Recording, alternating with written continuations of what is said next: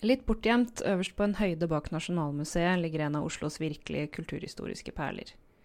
Her møtes bygningshistorie og vitenskap i en av Universitetet i Oslos eldste bygninger fra 1833.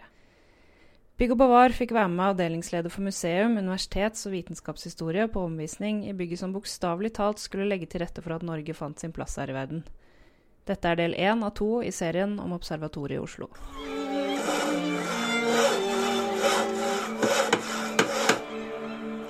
Hei, Bjørn Johansen. Velkommen til Observatoriet. I forhold til bygningens overordna historie, så er det eh, jo en av de aller første bygningene som er eh, tegna for Universitetet i Oslo. Ikke den aller første, det står det på det blå skiltet, ikke tro på det. Men eh, det er definitivt den bygningen som er den første store, og som er spesialbygd for et veldig spesifikt vitenskapelig formål, i hvert fall i en brei forstand. Eh, huset er jo i ampirstil, nyklassisistisk. Eh, veldig streng danskprega klassisisme. Ikke så veldig mye dekor, veldig symmetrisk, blokkformer. Eh, og det skyldes jo at arkitekten Christian Heinrich Grosch var utdanna i København. Eleven til den store klassisten C. Fransen. Og dette er jo en bygning som bærer veldig preg av københavnerarkitektur. Innvendig så eh, brukte eh, Grosch veldig forskjellig farvepalett, egentlig. Bygningen står ferdig i 1833. Og vi ser eksempler både på de litt sånn duse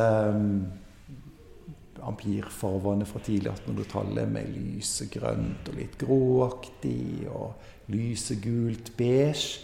Og så er det en del rom som viser nye farvetrender som Grosch var viktig for å innføre til Norge, med veldig sterke farver. F.eks. Eh, oransje eller knallrosa eller knallturkis. Det er blå farver som er veldig metta. Sånne ting. Og så er gulvene stort sett i hele huset de er malt i en brun-grå-beige farve. Det går igjen. Og så er dører, vinduskarmer og staffering, listverk, det er i perlegrått. Alle fargene her er originale farger? Ja, så godt som. Eh, det har vært gjort farveundersøkelser i eh, flere runder. De farvannene som vi har i dag, de er basert på den siste runden. Og den foregikk sånn rundt 2010. Eh, da ble rommene malt opp på nytt. Noen rom har originaldekor, andre rom har ikke det. Eh, det skyldes i veldig stor grad at her var det nok en sjablongdekor eh, i 1830-åra som har blitt vaska vekk ved senere oppussing. Så det ligger nok spor under senere malingslag av den dekoren. Eh, det er et framtidig prosjekt å få det fram. Men huset som det står nå, er veldig typisk for perioden, og hovedfarvene var nok sikkert sånn som det er nå. Så den første professoren som flytta inn her, det var Kristoffer Hansten. Og her i observatoriet så har vi jo selvfølgelig mange bilder av Hans Steen. Han er jo på mange måter vår store helt. Han eh, var professor i eh, det som het eh, astronomi og anvendt matematikk. Og han hadde virkelig en enorm oppgave foran seg. Spesielt fordi at han sto i bresjen for det å lage standarder på veldig mange felt. Norge var en ung nasjon på 1830-tallet når observatoriet sto ferdig. Og eh, det betydde at det var veldig mye som rett og slett ikke var gjort av nasjonale oppgaver. Og for å få penger til denne bygningen, som var dyr, kjempeinnhogg i statskassa, så argumenterte Hansten med at vi ville ikke bli tatt på alvor som en europeisk nasjon hvis ikke vi hadde disse standardene på plass. Og det gjaldt først og fremst å finne ut hvor vi var på jordkloden. Det var eh, observasjoner og regnestykker og mye annet som måtte til for å finne koordinatene. Det hadde med tid å gjøre. Det hadde med kart og oppmåling å gjøre. Eh, og så skulle han også eh, lage standarder for mål og vekt. Han skulle også eh, foreta meteorologiske målinger. Organiserte målinger. Eh, og jobbe med jordmagnetisme, som var hans egentlige felt. Og så skulle han være redaktør for Almanakken. Og den gangen så var Almanakken den tredje mest leste boka i Norge, etter Bibelen og salmeboka. Og den var full av fakta, eh, så det var viktig folkeopplysning, og den skulle være på norsk. Det var politisk veldig viktig. Hansten hadde ufattelig mange jern i ilden, og han flytta altså inn her høsten 1833 med kone og seks barn. Eh, I dag er det kanskje den ene dattera som er mer kjent for mange enn Hansten sjøl, og det var Åsta Hansten, som ble viktig kvinnesakskvinne og en av de første profesjonelt utdanna kvinnelige malerne i Norge. Skal vi bare gå litt videre? Gjerne. Her inne i det vi kaller den vitenskapelige fløyen, eh, så har vi noen rom som har beholdt sin opprinnelige funksjon, og så er det noen rom som vi har endra litt på funksjonen på. Og dette er et av de siste, eh, av den, altså siste eksempel på siste kategori. Dette rommet her var opprinnelig biblioteket i observatoriet. Her var det bokskap langs veggene, og så vet vi at det var et stort langbord der studentene kunne slå seg ned, og så kunne de lese litteratur. Vi hadde en stor eh, prosess her fra rundt 2006 og fram til 2011, og enda litt lenger, på å restaurere bygningen. Og det var et prosjekt som universitetet sjøl gjorde. Eh, det ble nedsatt en prosjektgruppe som ble leda av Ragnar Weider, som tidligere var arkitekt på universitetet. Ragnar var prosjektleder. Og så var det Hanna Geiran, som er riksantikvar, som representerte Riksantikvaren. Og så var det eh, Per Arne Bjørnstad fra Nav Arkitekter, som har blitt slottsforvalter. Og så var det meg og noen andre. Så det var en utrolig eh, prosess å få lov til å være med på. Et vanvittig privilegium. Og det viktigste i den prosessen, det var nettopp denne såkalte vitenskapelige fløyen. Boligfløyen hadde gjennomgått en restaurering på 1990-tallet. Da ble den gjort om til kontorer. Og så eh, kom det finansieringsplass rundt 2005-2006 på å ta eh, den vitenskapelige fløyen. Og Da måtte vi jo gjøre veldig mange valg underveis. og Et av de valgene var at vi ikke skulle gjenskape biblioteket. Det fantes ikke veggskap igjen. Vi hadde bare et dårlig svart-hvitt fotografi. Og Eh, da var det også bestemt at vi skulle ha skoleundervisning her, og vi trengte et generelt utstillingsrom. Så i dette rommet her så har vi et utstillingsrom som viser forskjellige sider ved den vitenskapelige virksomheten til Kristoffer Hamsten. Dette er jo også et rom som har fått tilbake igjen den litt sånn bleigule veggfargen. Men her vet vi at det var en enkel stegdekor med sjablonerte palmetter i hjørnene, altså sånne blomsterformer. Og det har blitt vaska ned i årenes løp, men det ligger nok spor bak senere malingslag her.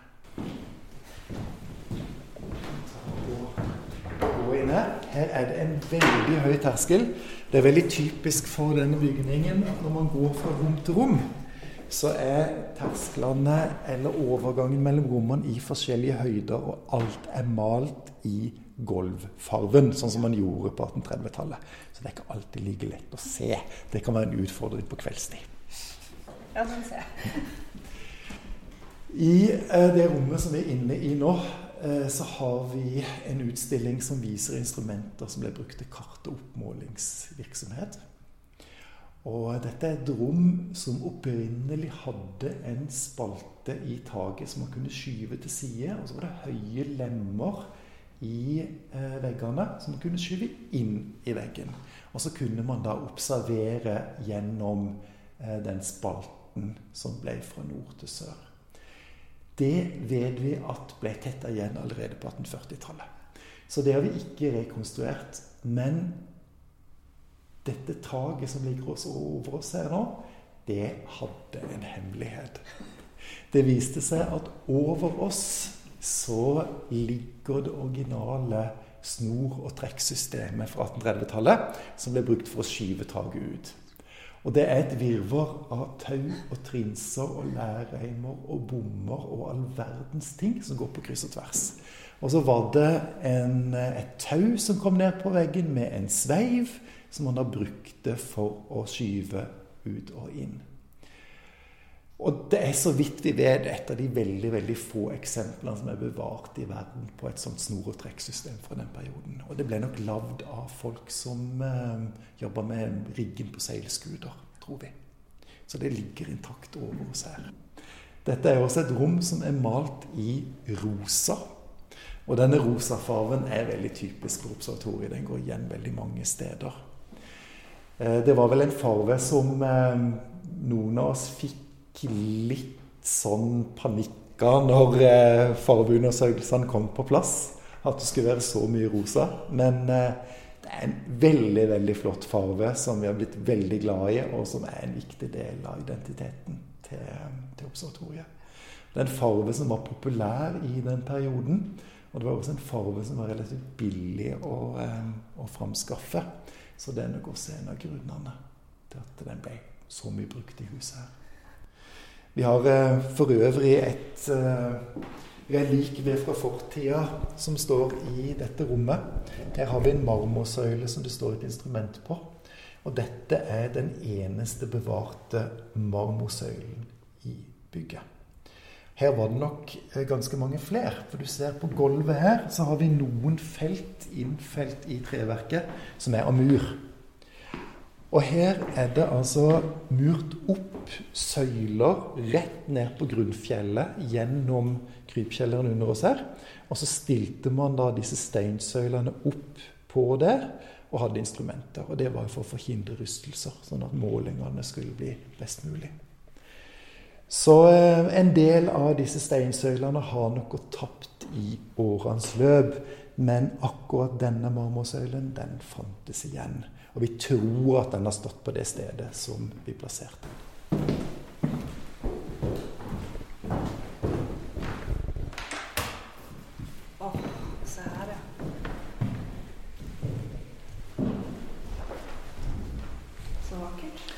Dette er jo et praktrom. Eh, og det er jo også et sånt rom som eh, mange blir litt andektige av. Det er noe litt sakralt over denne rotunden. Her eh, er vi altså i et rom som er sirkel rundt med galleri, og så er det en kuppel over oss. Og dette er jo den egentlige inngangen til observatoriet. Eh, så når eh, professor Hansten og hans etterfølgere tok imot gjester, så var det gjennom hoveddøra og inn i dette rommet her. Det var et rom som bøy på en del overraskelser, og også var mye mer problematisk å restaurere enn det vi kanskje hadde trodd. Eh, det er jo veldig, veldig flotte bemalinger på veggen her. Eh, både sjablongmaling og ting som er malt for frihånd. Eh, og så har vi en himling under galleriet som er malt med et solseil. Så det er altså himmel, blå himmel som da har fått eh, malt solceller for å beskytte oss mot sola. Og det er ganske symbolsk for observatoriet. Du kjenner at det er kaldt her. Nå begynner vi å bevege oss inn i kalde rom. Og det er nettopp fordi at man kunne ikke ha store temperatursvingninger innendørs i forhold til årstidene. For da kunne instrumentene bli unøyaktige. Så her la eh, professor Hansten og arkitekt Grosch inn finurlige løsninger for å holde temperaturen jevn. Her er det udetemperatur, som du merker. Og eh, akkurat i dette rommet så skyldes det i stor grad at han la det mot nord, der det er lite sol. Det er ikke noe sol som kan varme opp temperaturen her.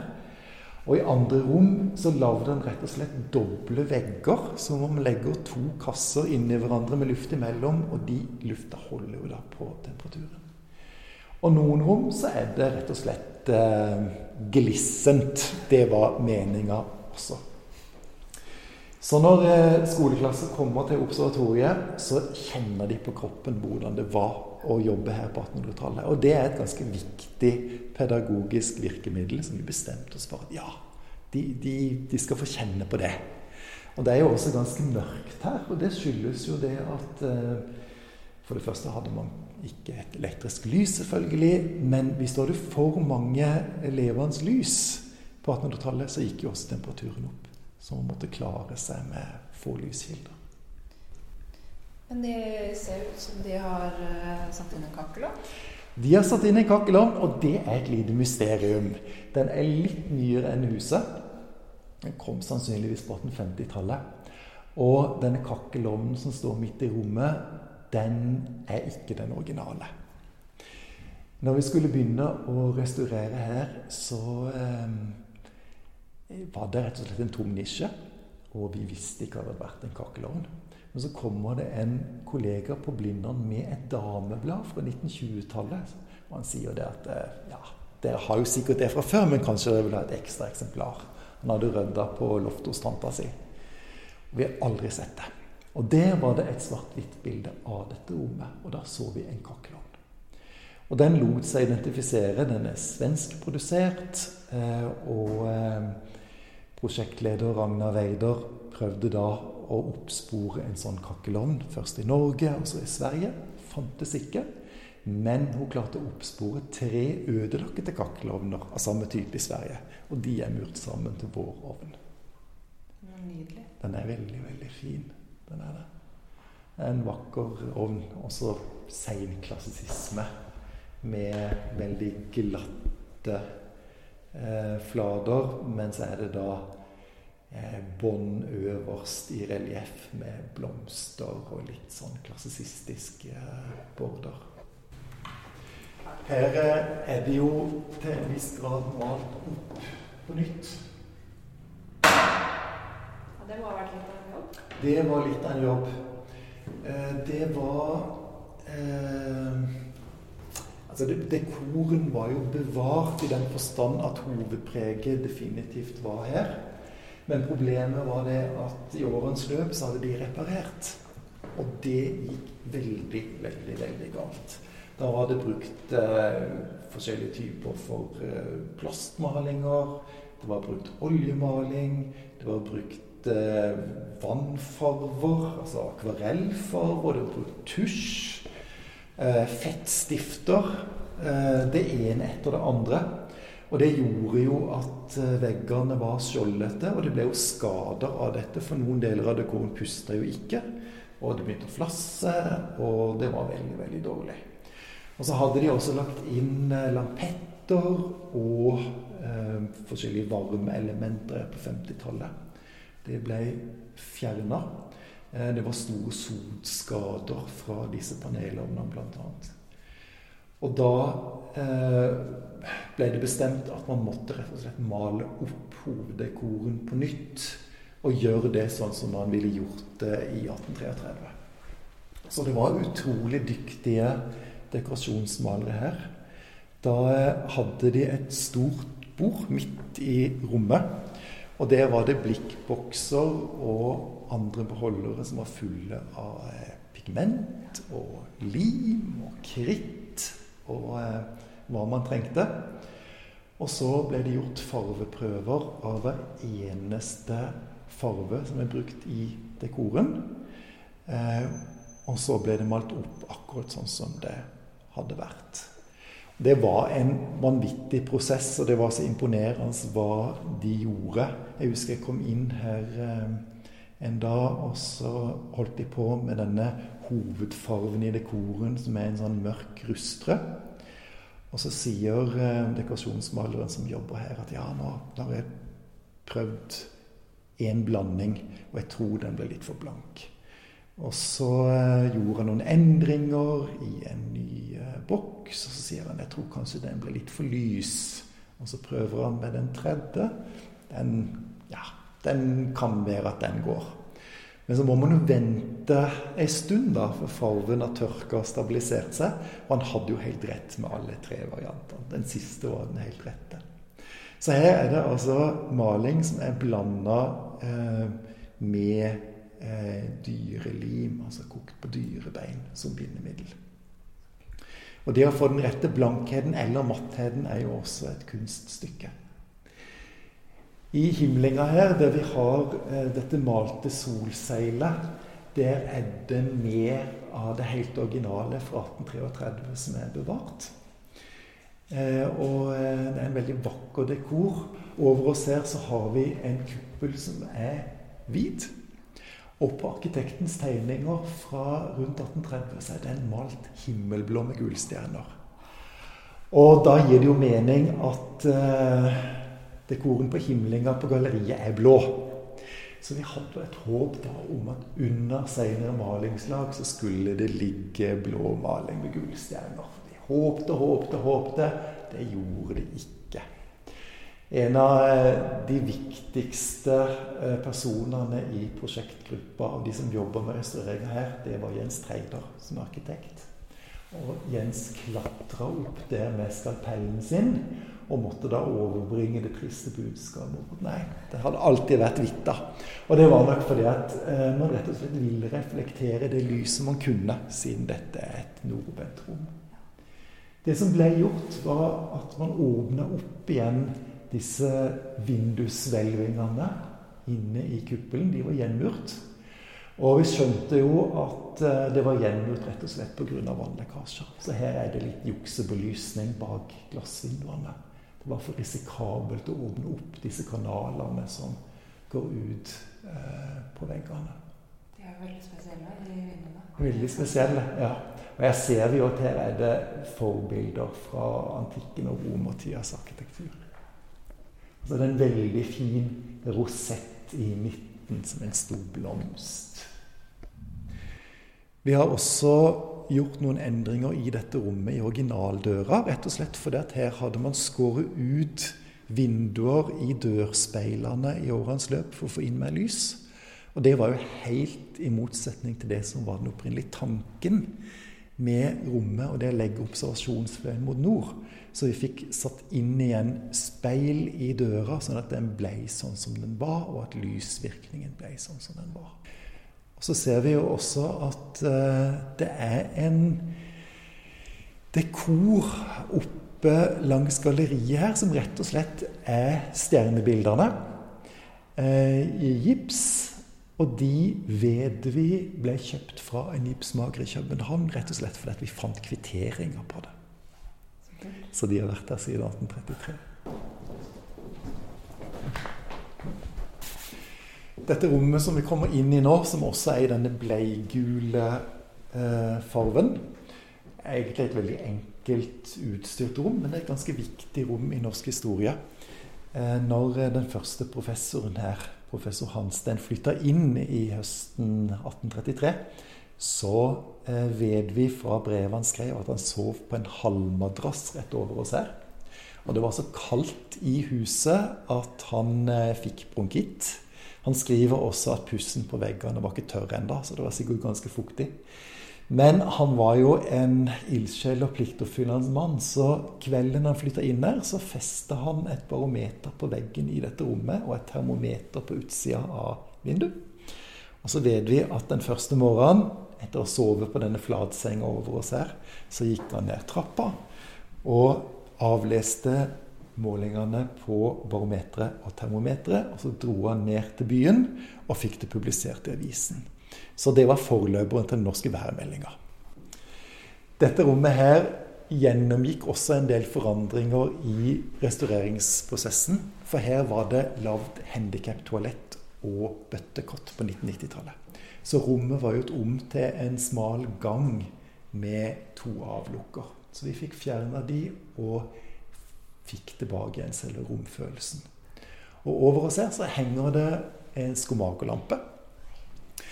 Eh, det er ganske mange som spør om hvorfor vi har sånne skomagolamper i et hus som er så flott som dette.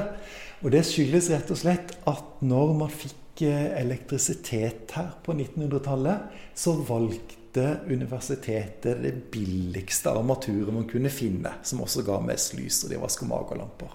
Så derfor har vi det i rom der vi vet at det har vært skomagolamper eh, fra elektrisiteten kom. Det neste rommet som vi skal gå inn i, det er definitivt det viktigste rommet i observatoriet. Det såkalte meridianrommet. Og nå står vi foran ei stor, flott dobbeltdør i denne perlegrå farven som leder inn i rommet, det er egentlig en kopi av en av de originale dørene i huset. Her eh, ble det gjort mange endringer under krigsårene. Da var det Norsk Polarinstitutt som holdt til i huset, og de trengte et ildsikkert hvelv. Så de fjerna den originale døra, satte inn ei lavjerndør istedenfor. Og så ble det tømt betong på gulvet, og så senka de taket eh, med en betonghimling. Murte igjen åpninger, vinduer og det som var, sånn at det var som å komme inn i en liten lav bunker. Og eh, det var jo sikkert viktig den gang, for man skulle jo bevare deres verdier i tilfelle noe skjedde. Men historisk sett så kunne de ikke valgt et verre rom. For det var det rommet det som professor Hansten hadde det store instrumentet han brukte i eh, oppgaven med å finne vår plassering på jordkloden. Så dette rommet var en stor problemstilling. Det var vanskelig å vite hva man skulle gjøre med det. Hvis man begynte å fjerne 1940-tallsbetong, så kunne det jo faktisk ødelegge originale ting bak. Eh, Riksantikvarens representant var litt usikker på hvordan man skulle gripe det litt an. Men så hadde vi jo da vår gylne antikvariske rådgiver Jens Treider, som alltid klarte å finne en løsning. Bokstavelig talt. Han fant ei gjenmalt luke oppe i trapperommet her. Og når han åpna den, så ramla han bokstavelig talt ned på oversida av denne betonghimlinga fra 40-tallet, og så at det var originaldekor på veggene. Så her var det faktisk ting å redde. Og da var det også mulig å finne ut hvordan betongen var festa, og hvordan den kunne fjernes uten å gjøre skader på det originale. Så det rommet som kanskje var det vanskeligste, viste seg jo kanskje å bli det mest opprinnelige eh, til slutt. Og det er ikke så veldig mange observatorier som har sånne originale 1830-tallsrom som dette. Så vi kan gå inn og se hvordan det blir.